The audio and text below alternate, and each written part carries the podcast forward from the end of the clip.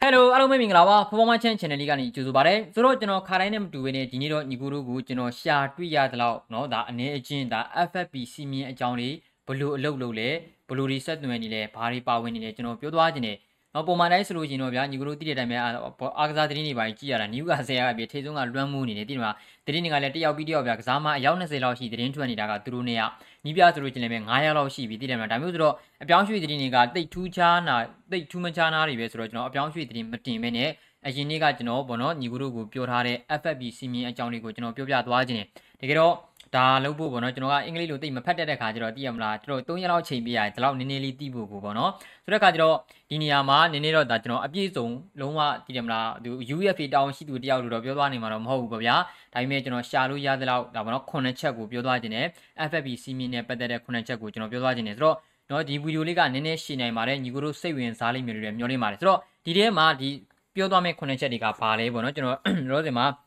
ဆိုတော့နံပါတ်1အနေနဲ့ FFB စီမင်း ဆိုတာဘာလဲ FFB ကဘာကြောင့်ဖြစ်ပေါ်လာခဲ့ရတာလဲနော်နံပါတ်2ကကျတော့အာကလပ်အသင်းဒီအနေနဲ့ FFB စီမင်းနဲ့မညီဖို့ဘယ်လိုတွေသုံးစွဲခွင့်ရှိတာလဲငွေအမောင်းပမာဏဘယ်လောက်ထိသုံးစွဲခွင့်ရှိတာလဲဒါအပြင်နံပါတ်3 FFB ချိုးဖောက်လို့ရှိရင်ပေးတဲ့ပြစ်ဒဏ်တွေဘယ်နှချက်ရှိလဲအဲ့ဒါတွေကဘာတွေလဲပေါ့နော်ဆိုတော့ရှင်နံပါတ်4အနေနဲ့ဆိုတော့ FFB စီမင်းကပေါ့နော် FFB စီမင်းနဲ့ညှိဖို့ဆိုလို့ရှိရင်ဘယ်နေရာမှာသုံးတဲ့ငွေအမောက်ပမာဏတွေအကျုံးဝင်တာလဲစတဲ့အပြင်နံပါတ်5အချက်အနေနဲ့ပေါ့နော်ကလပ်အသင်းရဲ့ပိုင်ရှင်တွေကသူတို့ရဲ့ကိုယ်ပိုင်ဝင်ငွေတွေကို FFB စီမင်းနဲ့နော်လွတ်အောင်ဆိုပြီးတော့ဒါကလပ်အသင်းထံကိုပေးခွင့်ရှိသလားဒါဆိုလို့ရှိရင်ဘလို့အကြောင်းအရာတွေဖြစ်လာနိုင်လဲစတဲ့အကြောင်းနံပါတ်6ကလပ်အသင်းကိုပေးတဲ့စပွန်ဆာတွေကပေါ့နော်ဘလို့အလုပ်လုပ်လဲဒါအပြင်ဒီစပွန်ဆာတွေကရော FFB စီမင်းနဲ့ညှိနှိုင်းလားဘလို့မျိုးတွေရှိလဲအဲ့ဒါပြောသွားမယ်နောက်တဲ့နံပါတ်9အနေနဲ့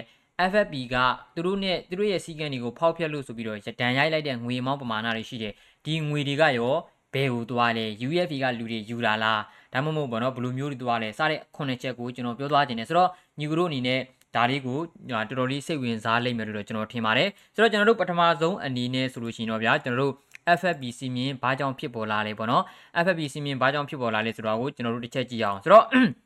background ကိုယဉ်ကြည့်မယ်ဒါကိုဖြစ်ပေါ်လာတဲ့အကြောင်းရင်းပေါ့နော်ဆိုတော့ 2009ခုနှစ်မှာ UEFA တာဝန်ရှိသူတွေကနော်ယူရိုဥရောပတခွင်ကဘောလုံးကလပ်အသင်းပေါင်း650နဲ့5သင်းရဲ့တဝက်လောက်တီတီနှုံထားကလပ်အသင်းတွေကငွေကြေးပိုင်းဆိုင်ရာကလပ်အသင်းရဲ့ finance ပိုင်းဆိုင်ရာနဲ့ပတ်သက်လို့အများကြီးဒုက္ခရောက်နေတာကိုသူတို့တွေ့ရတယ်။ကလပ်တင်းကဘယ်လိုလဲဆိုတော့ဝင်ငွေနဲ့ထွက်ငွေမမျှဘူး။ကလပ်တင်းကရတဲ့ဝင်ငွေနဲ့သူတို့ပြန်သုံးလိုက်တဲ့ငွေအမောင်းပမာဏတွေကမမျှဘူးပေါ့နော်သုံးလိုက်တဲ့ငွေကပူများနေတဲ့အခါမှာတပြည့်ပြည့်ချင်းကစားမတွေရဲ့လာစားတွေမပေးနိုင်တော့ဘူး နော်ဒီပေါ်ကလပ်တင်းရဲ့ခန့်ထားတဲ့ဝန်ထမ်းတွေရဲ့လောက်ကားလာစားတွေမပေးနိုင်တော့ဘူးအဲဒါမျိုးတွေကြုံလာတယ်ဆိုတော့ဘလို့နော်သူတို့ကြုံလာတဲ့ခါကျတော့သူတို့အနေနဲ့လုံးဝဒီပြဿနာကို UFA တောင်းရှိတွေကဖြည့်ရှင်းမှုကျူးပန်းလာတယ်ဆိုတော့ကလပ်တင်းရဲ့ပေါ်ဒီပေါ်ဝင်ငွေထွက်ငွေတွေကိုဒါလုံးဝစီစစ်နိုင်မယ်စီမင်းတခုလိုတယ်ဆိုပြီးတော့သူတို့အနေနဲ့လက်ရှိ FFB စီမင်းကိုဒါပေါ်တော့သူတို့အနေနဲ့ဒါမိတ်ဆက်လက်ရတာဆိုတော့ဒီ FFB စီမင်းကိုသူတို့က2009ခုနှစ်မှာစပြီးတော့ရေးတယ်ရေးပြီးတဲ့အချိန်မှာသူတို့အနေနဲ့ 2010ခုနှစ်မှာ approve ရတယ် approve ရပြီးတော့2011ခုနှစ်မှာသူတို့တွေစပြီးတော့ကျင့်သုံးနေပေါ့နော်ဒါကလောလောဆယ်မှာဆိုလို့ရှိရင်ဒါသူတို့ဒီ FFB စီမင်းဘာကြောင့်ဖြစ်ပေါ်လာဆိုအသေးချုပ်ဒါအပြင်ဘလိုမျိုးကလပ်တင်းတွေကဘယ်လောက်ထိဆုံးရှုံးလာလဲပေါ့ကြီးတဲ့ခါမှာကျွန်တော်တို့2008-2009ရာသီမှာပရီးမီးယားလိဂ်ကလပ်အသင်း20ရဲ့နော်ပရီးမီးယားလိဂ်ကလပ်အသင်း20ရဲ့ဆုံးရှုံးငွေဟာပေါင်3.1ဘီလီယံနီးပါးရှိတယ်လို့ကျွန်တော်တို့ပေါ့နော် Deloitte ဆိုတဲ့သတင်းစာကဖော်ပြထားတယ် ဒါဟာ2008-2009ရာသီကပေါ့နော်ဒါမျိုးပရီးမီးယားလိဂ်ကလပ်အသင်းတွေဆုံးရှုံးခဲ့တဲ့ငွေပမာဏအားလုံးအသင်း20ပေါင်းခံမှန်းကြည့်ပေါ့နော်ဆိုတော့ဆုံးရှုံးခဲ့တဲ့ပမာဏဒါကြောင့်သူတို့က2009ခုနှစ်မှာဒါကိုဒီရှင်းမင်းကိုစပြီးတော့ရေးဆွဲခဲ့တာအဲ့ဒီချိန်မှာဗျာကျွန်တော်တို့သိတဲ့အတိုင်းပဲသိတယ်မလားဥမာအပြင်ပြောမယ်ဆိုလို့ရှိရင်ပေါ့နော်ဒါ2005နဲ့2010ခုနှစ်အတော်တွင်မှာဆိုလို့ချင်းဝက်ဆန်ကသူတို့ရဲ့ငွေတန်း90လောက်ရှုံးတယ်အဲ့ဒီချိန်က2005 2010တွင်ယူရိုတွေတွေးကြည့်ပေါင်းတန်း90ဆိုတာတော်တော်များတဲ့ပမာဏသိတယ်မလား ဆုံးရှုံးတယ်ပြီးလို့ရှိရင်ပေါ့နော်ဒါ Everton အသင်းရဲ့နော် David Moyes ရဲ့အဲ့ဒီတုန်းက Everton အသင်းကလည်းကလပ်အသင်းဘက်မှာဆုံးရှုံးတာတွေအများကြီးရှိခဲ့တယ်ဆိုတော့ဒါဟာဘယ်လိုပဲဖြစ်ဖြစ်ပေါ့နော်သူတို့အနေနဲ့ဒါကလက်ရှိပရီးမီးယားလိဂ်ရဲ့အကြံဖြင့်ဆုံးရှုံးတဲ့ငွေပမာဏဒါကအင်္ဂလိပ်ပရီးမီးယားလိဂ်ပဲရှိသေးတယ်ဆိုတော့အီတလီစီးရီးရဲ့ဘက်ကိုကြည့်တဲ့အခါမှာအီတလီစီးရီးရဲ့ဘက်က2010ဒီဇင်ဘာ31ရက်နေ့ထုတ်ပြန်ချက်ရအဲ့ဒီနေ့ဒီမှာဆိုလို့ရှိရင်မီလန်ဂရုရဲ့ဆုံးရှုံးငွေဟာယူရို69.51မီလီယံရှိတယ် ဒါအပြင်ဂျီနူဝါကလည်း2010ဒီဇင်ဘာ31မှာပဲ16တန်းယူရို16တန်းကျော်သူတို့တွေနဲ့အရှုံးငွေပေါ်တယ်ဖီယိုရင်တီနာကဒီဇင်ဘာ2010ဒီဇင်ဘာ31တူတူပဲအဲ့ဒီနေ့မှာပဲသူတို့အနေနဲ့ယူရို9တန်းကျော်ကိုလည်းဘူလော့နာဆိုတဲ့အသင်းလေးက4တန်းကျော်သူတို့ရှုံးတယ် နော်ပြီးလို့ရှိရင်ကျွန်တော်ချီးဘူးက9သိန်းကျော်ရှုံးနေစတဲ့စတဲ့ကလပ်တင်းတွေအများကြီးပဲဗျာဒီလိုမျိုးအဲ့ဒီနှစ်တောတွင်မှာတော်တော်လေးအရှုံးပေါ်ခဲ့တာလာလီဂါကိုကြည့်ပြန်တော့လေလာလီဂါကတော့အမှန်တမ်းပြောလို့ရှိရင်တော့နော်သူတို့ကဥရောပရဲ့ဘောဝင်ငွေအကောင်းဆုံးကလပ်တင်းတွေလည်းအဲ့ဒီချိန်တုန်းကဖြစ်တယ်ဗျာဥရောပပြိုင်ပွဲတွေကိုလည်းသူတို့ကပဲစုမှုထားတာဆိုတော့အများကြီးတော့မတိတာခဲ့ဘူးဒါပေမဲ့အဲ့ဒီတုန်းကသူတို့ရိုနယ်ဒိုကိုခေါ်တယ်ကာကာကိုခေါ်တယ်ဘန်ဇီမာကိုခေါ်တယ်ရာဦးအေဗီယိုကိုခေါ်တယ်ဇာဗီယိုလွန်ဆိုကိုခေါ်တယ်ထားမဲ့ဒီအဲ့ဒီနှစ်ပတ်ဝန်းကျင်မှာဒီကစားမတွေကိုခေါ်လိုက်တာကရီယယ်မက်ဒရစ်အသင်းဘက်မှာလည်းအရှုံးနေပြလာတယ်ဆိုတော့ဒါမျိုးပေါ့နော် အဲ့လီးပြိုင်ပွဲအတီးတီးကကလပ်တင်းတွေကဒီလိုမျိုးအရှုံးနေပေါ်လာတဲ့အခါမှာ FFB စီမင်းကိုသူတို့အနေနဲ့မဖြစ်မနေဆိုပြီးတော့လုံးဝကလန်တော့ဒီပေါ် UFA ကကြီးညာမရတော့မယ်ဆိုပြီးတော့2009ကပြောသလို2009ခုနှစ်မှာသူတို့အနေနဲ့စီမင်းနေရေးဆွဲကြတယ်2010ခုနှစ်မှာသူတို့ approve ရတယ် financial fairly ဆိုတဲ့ပေါ့နော်ဒီပေါ်ဒီဟာကိုစတင်ကျင့်သုံးမယ်ဆိုပြီးတော့ approve ရတယ်စပြီးတော့ကျင့်သုံးခဲ့တဲ့ခုနှစ်က2011ခုနှစ်ပါเนาะဆိုတော့ဒါကတော့လက်ရှိမှာ FFP စီမင်းဘာကြောင့်ဖြစ်ပေါ်လာလဲဆိုတဲ့အသေးချုပ် โอเคဆိုတော့နံပါတ်1နေရာကိုသွားရအောင်နံပါတ်2နေရာမှာဗာလဲဆိုတော့အကလအသင်းတွေက FFP စီမင်းရဲ့ညောညွှန်ကြားချက်ရဘယ်လောက်ထိသူတို့ငွေကြေးသုံးစွဲခွင့်ရှိတယ်လဲဆိုတော့ဒါကိုတော့လက်ရှိမှာပေါ့နော်2015ခုနှစ်ရဲ့ update ပေါ့နော်ဒါပါလဲဆိုတော့ UEFA ကသူတို့ကဒါကဒီပေါ်ကန့်သက်ချက်ငွေပမာဏကအတိအကျမရှိဘူးဗျာဒါပေမဲ့သူတို့နောက်ဆုံး upgrade လုပ်ထားခဲ့တာကကျွန်တော်တို့ဒါပေါ့နော်2000နဲ့ဒါ15ခုနှစ်ဆိုပြီးတော့ကျွန်တော်တို့သိရတယ်ဆိုတော့ ဒီနေရာမှာခဏလေးပြကျွန်တော်ပြောပြမယ်ဆိုတော့ကလပ်တင်းတင်းအနေနဲ့သူတို့ဘယ်လောက်ထိငွေကြေးသုံးစွဲခွင့်ရှိလဲပေါ့တော့ FFB စီမီနဲ့ဆိုလို့ရှိရင်အိုကောဆိုတော့လက်ရှိမှာဒါဟာเนาะဒီဘောဘယ်လိုပြော UFA ရဲ့ဖော်ပြချက်ရကလပ်အတင်းတစ်ခုကသူတို့စစဆွဲတဲ့နှစ်မှာကလပ်အတင်းကသူတို့ရဲ့ဝင်ငွေထွက်ငွေတွေကိုကန့်ညရမယ် balance ညအောင်ညှိရမယ်ဥမာဝင်ငွေကနေပြီးတော့ဗျာထွက်ငွေကများနေတယ်ဆိုလို့ရှိရင်မရဘူးနောက်ဆိုတော့သူတို့ fine တွေပါတယ်ရှိတယ်ဆိုတော့ဝင်ငွေကလည်းကောင်းအောင်မယ်ထွက်ငွေကလည်းမျှတတယ်ဆိုလို့ရှိရင်ပိုသုံးခွင့်ဒီသူတို့အနေနဲ့အဲ့ဒီတုန်းကယူရို9သန်းသာရှိတယ် ယူရို9သန်းဒါ3နှစ်စာဒါအပြင်ပေါ့နော်2013 2014 2014 2015ဒီနှစ်ရာသီကိုကျတော့သူတို့တွေက limit ကိုယူရို45သန်းထိတင်ပေးလိုက်တယ်။ဘာလို့လဲဆိုတော့9သန်းလောက်ကသူတို့ဘာမှလုပ်လို့မရဘူးဆိုတဲ့အခါမှာသူတို့ရဲ့ limit ကယူရို45သန်းထိသူတို့တင်ပေးလိုက်တယ်။ယူရို45သန်းပြဒါအတရင်3ငွေယူရို45သန်းဆိုတော့အဲ့လိုမျိုးနှစ်နှစ်ကိုသူတို့အချိန်ပေးလိုက်တယ်။ဆိုတော့ပေါ့2012 13ရာသီစနစ်ဆိုတော့သူတို့က3ရာသီဖြစ်သွားမှာဆိုတော့နောက်ထပ် average တစ်ခုက 2015 2016ရာသီ2016 2019ရာသီနဲ့2019 2018ဒီ3ရာသီကိုဒီ3ရာသီကနေစပြီးတော့နောက်ဆုံးနေ့ထိပေါ့နော်လက်ရှိအချိန်လောက်တွေကျွန်တော်တို့သိရတာဒီလက်ရှိမှာ UEFA က update မြင့်လိုက်တဲ့အခါကကလပ်တင်းတင်းရဲ့အသုံးဆွဲငွေပမာဏဒီယူရိုတန်း30ဆိုပြီးတော့လက်ရှိမှာသူတို့သိရတယ်ဥမာသူတို့ဗျာဥမာ2015 2016ရာသီမှာညီကူက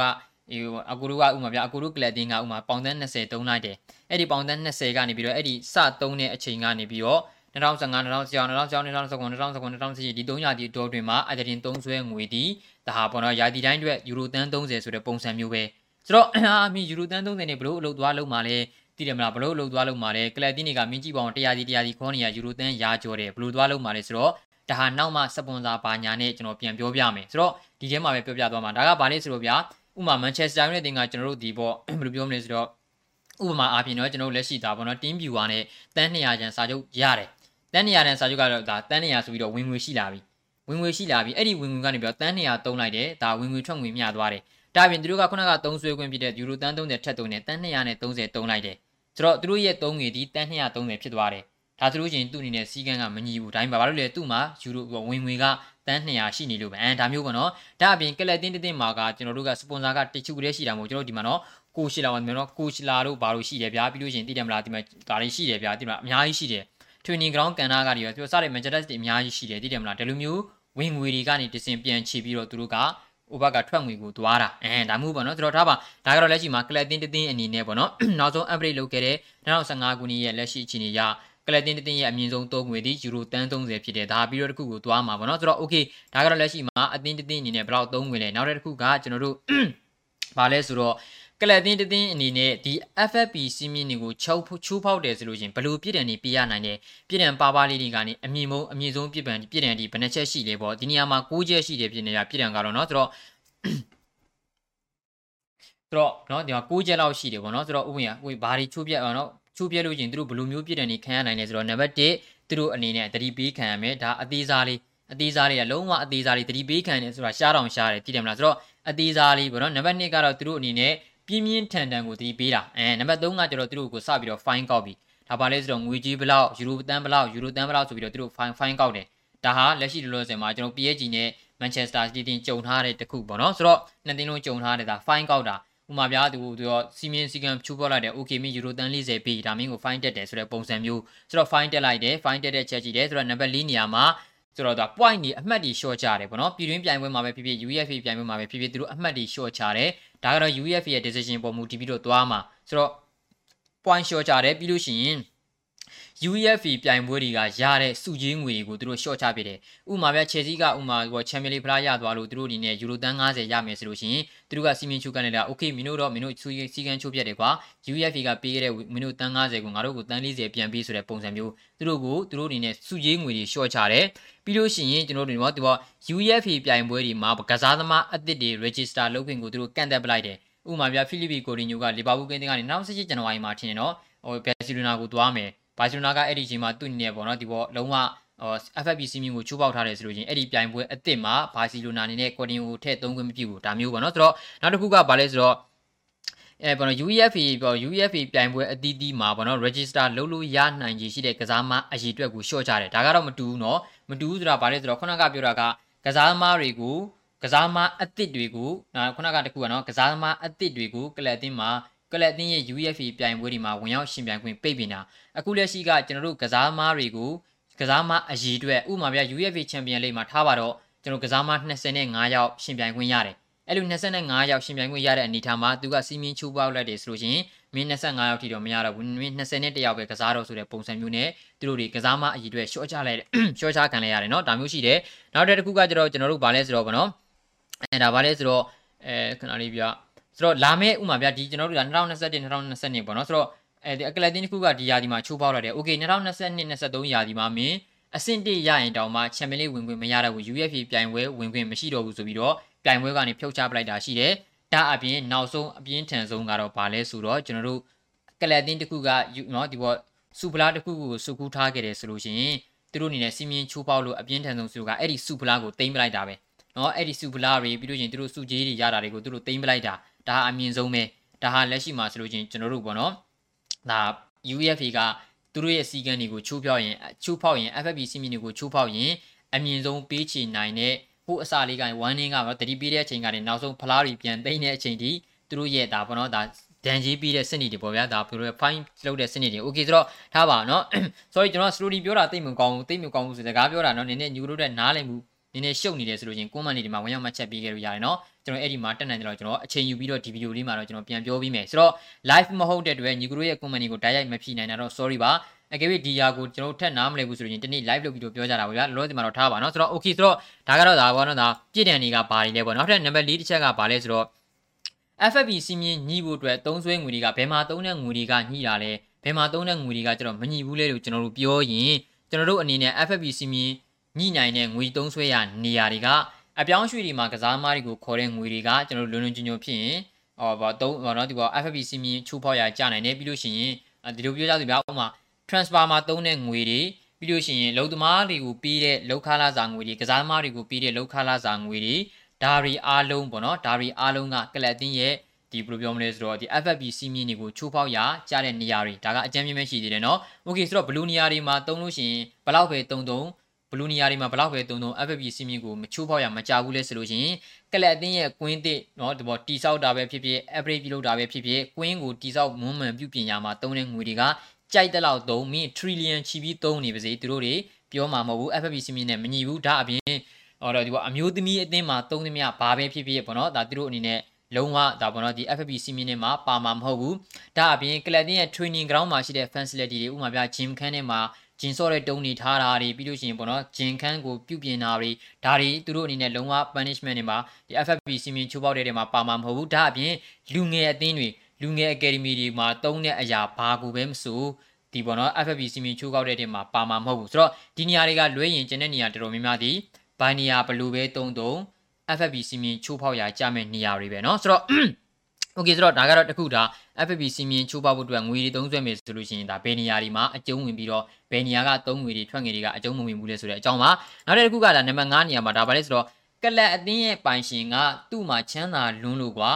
ချမ်းသာလွန်းလို့ FFP စီမင်းနဲ့ညီသွားအောင်ဆိုပြီးတော့သူ့ရဲ့ကိုယ်ပိုင်ငွေကိုသူတို့အနေနဲ့ပေါ့နော်ဒါဟိုတော့ပေးခွင့်ရှိလားပေါ့ဒီနေရာမှာတခုရှိတာကဟိုငါမှာတော့ကွာတန်း30ချမ်းသာတယ်ငါတင်းကလူဖြစ်နေရောဟိဒါငါရဲ့ personal ငွေတွေကဆိုပြီးတော့ပေးခွင့်မရှိဘူးဘ ပေးခွင့်မရှိပေမဲ့ကလပ်တင်းပိုင်ရှင်တွေကဘလို့လုပ်လို့ရလဲဆိုတော့ဥပမာ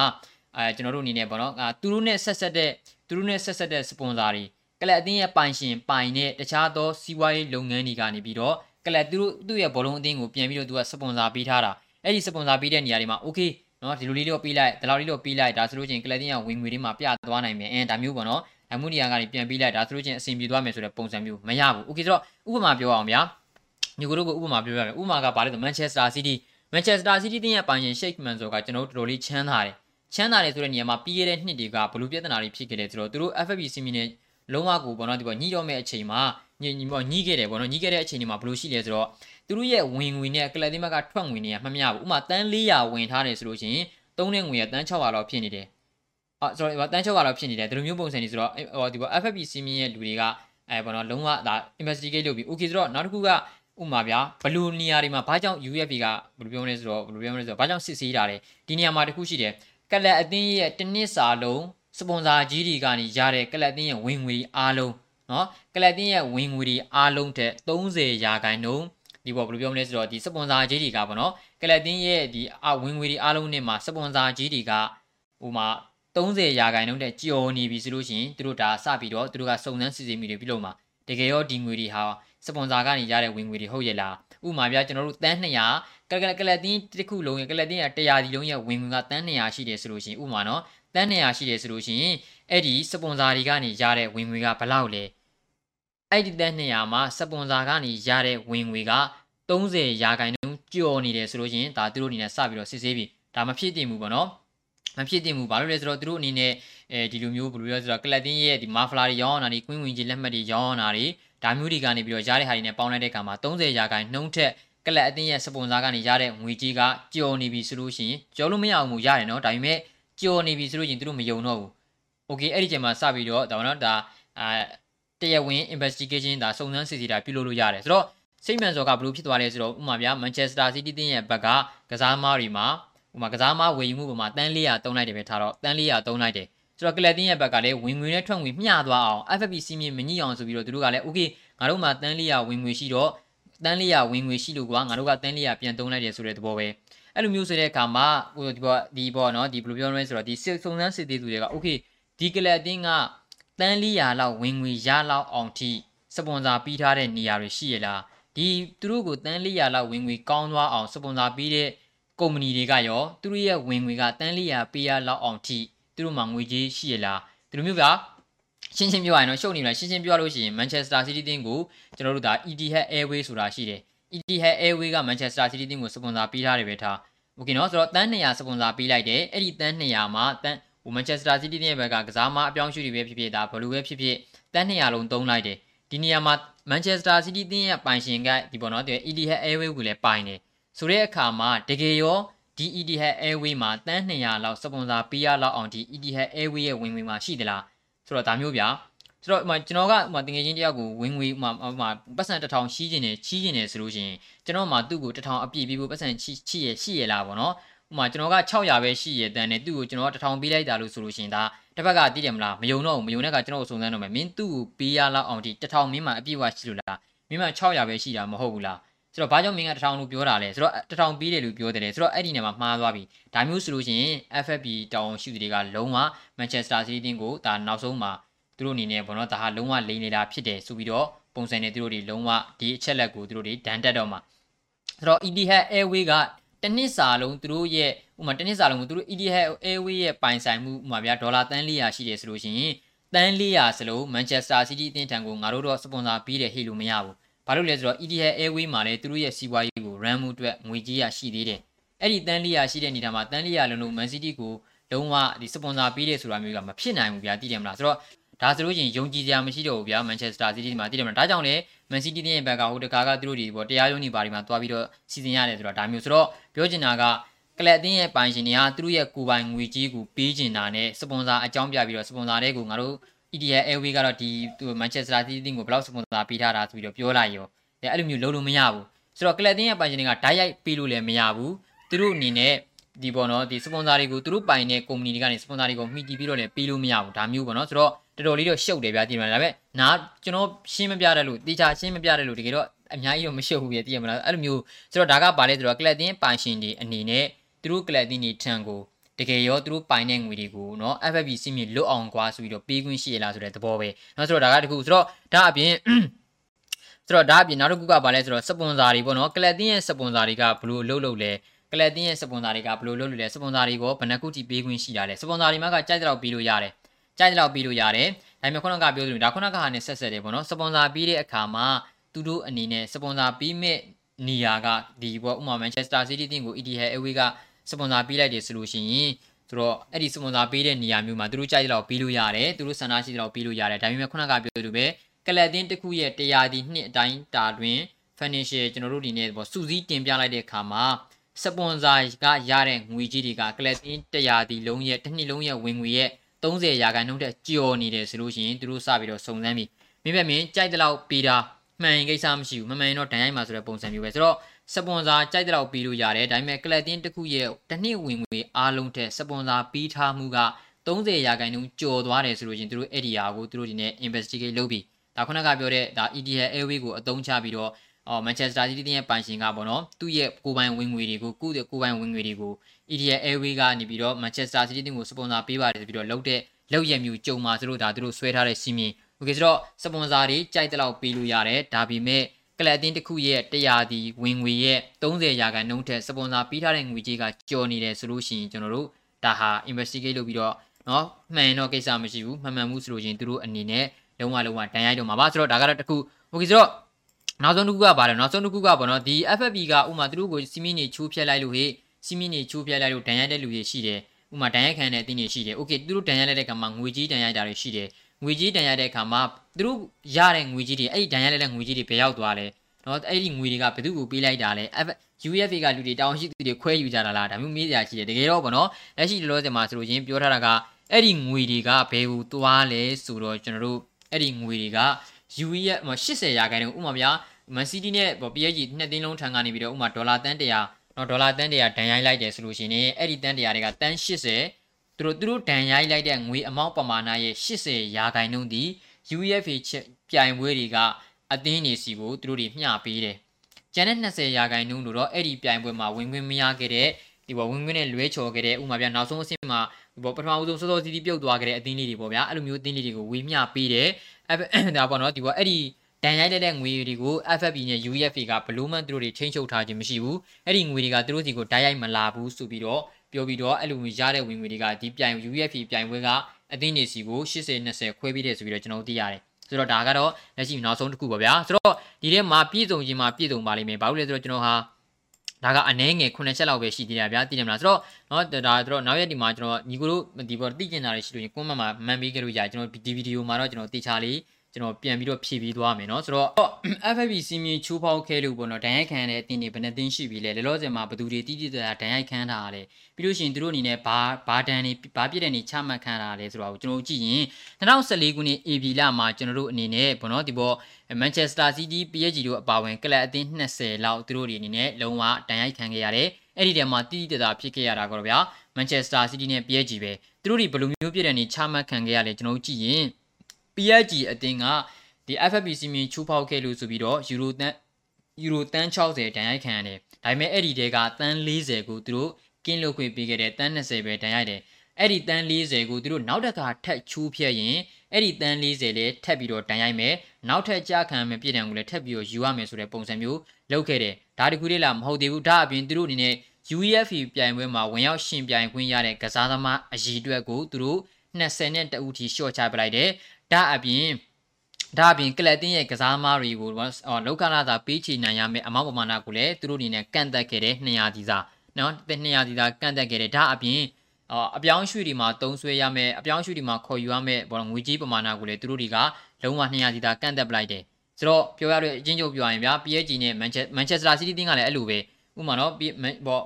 ဟိုဒန်ရိုက်တာယူရိုတန်း60ဒါပေမဲ့တန်း40ကိုသူတို့ကင်းလို့ခွင့်ပေးလိုက်တယ်တန်း20ပဲဒန်ရိုက်တယ်အဲ့ဒီတန်း40ကိုနောက်တစ်ခါထပ်ချူးပြရင်အဲ့ဒီတန်း40လည်းရိုက်မှာနောက်ထပ်ပြင်းထန်တဲ့အပြည့်ပေးမှုလည်းရှိမှာဒါအပြင် UEFA Champions League ဒါမှမဟုတ် Europa League ပြိုင်ပွဲတွေမှာဥမာ25ရောက်ဝင်ခွင့်ရတယ်ဆိုလို့ရှိရင်25ရောက်တွေခွင့်မပြုတော့ဘူး21ရောက်ပဲခွင့်ပေးခဲ့တယ်ဒါအပြင် transfer အပြောင်းအရွှေ့တွေမှာသူတို့အနေနဲ့ဒါပေါ့နော်ဒါ200ဒီလောက်သူတို့တွေဘန်လိုက်တယ် ဒါတော့လုံးဝမခေါ်ရဘူးဆိုတဲ့ပုံစံမျိုးဘန်လိုက်တာတော့မဟုတ်ဘူးထင်တယ်ဗျာသိတယ်မလားအရေးအတွက်ဥမာဗျာအာငွေအရေးအတွက်ဆိုတာငွေကြီးပေါ့နော်ငွေကြီးဘလောက်ပဲသုံးရမယ်ဆိုတဲ့ပုံစံမျိုးကန်တက်လိုက်တယ်ပြီးလို့ချင်းကစားမတွေကိုလောက်ခလာစာပြီးချနိုင်လို့လေသူတို့ကန်တက်လိုက်တယ်ဒါဟာ PSG ရော Manchester City တင်ကောနှစ်တင်းလုံး2014ခုနှစ်မှာဒဏ်ရိုက်ခံရတဲ့အနေထားနော်ဆိုတော့ဒါကတော့ရှင်းရှင်းလေးပါ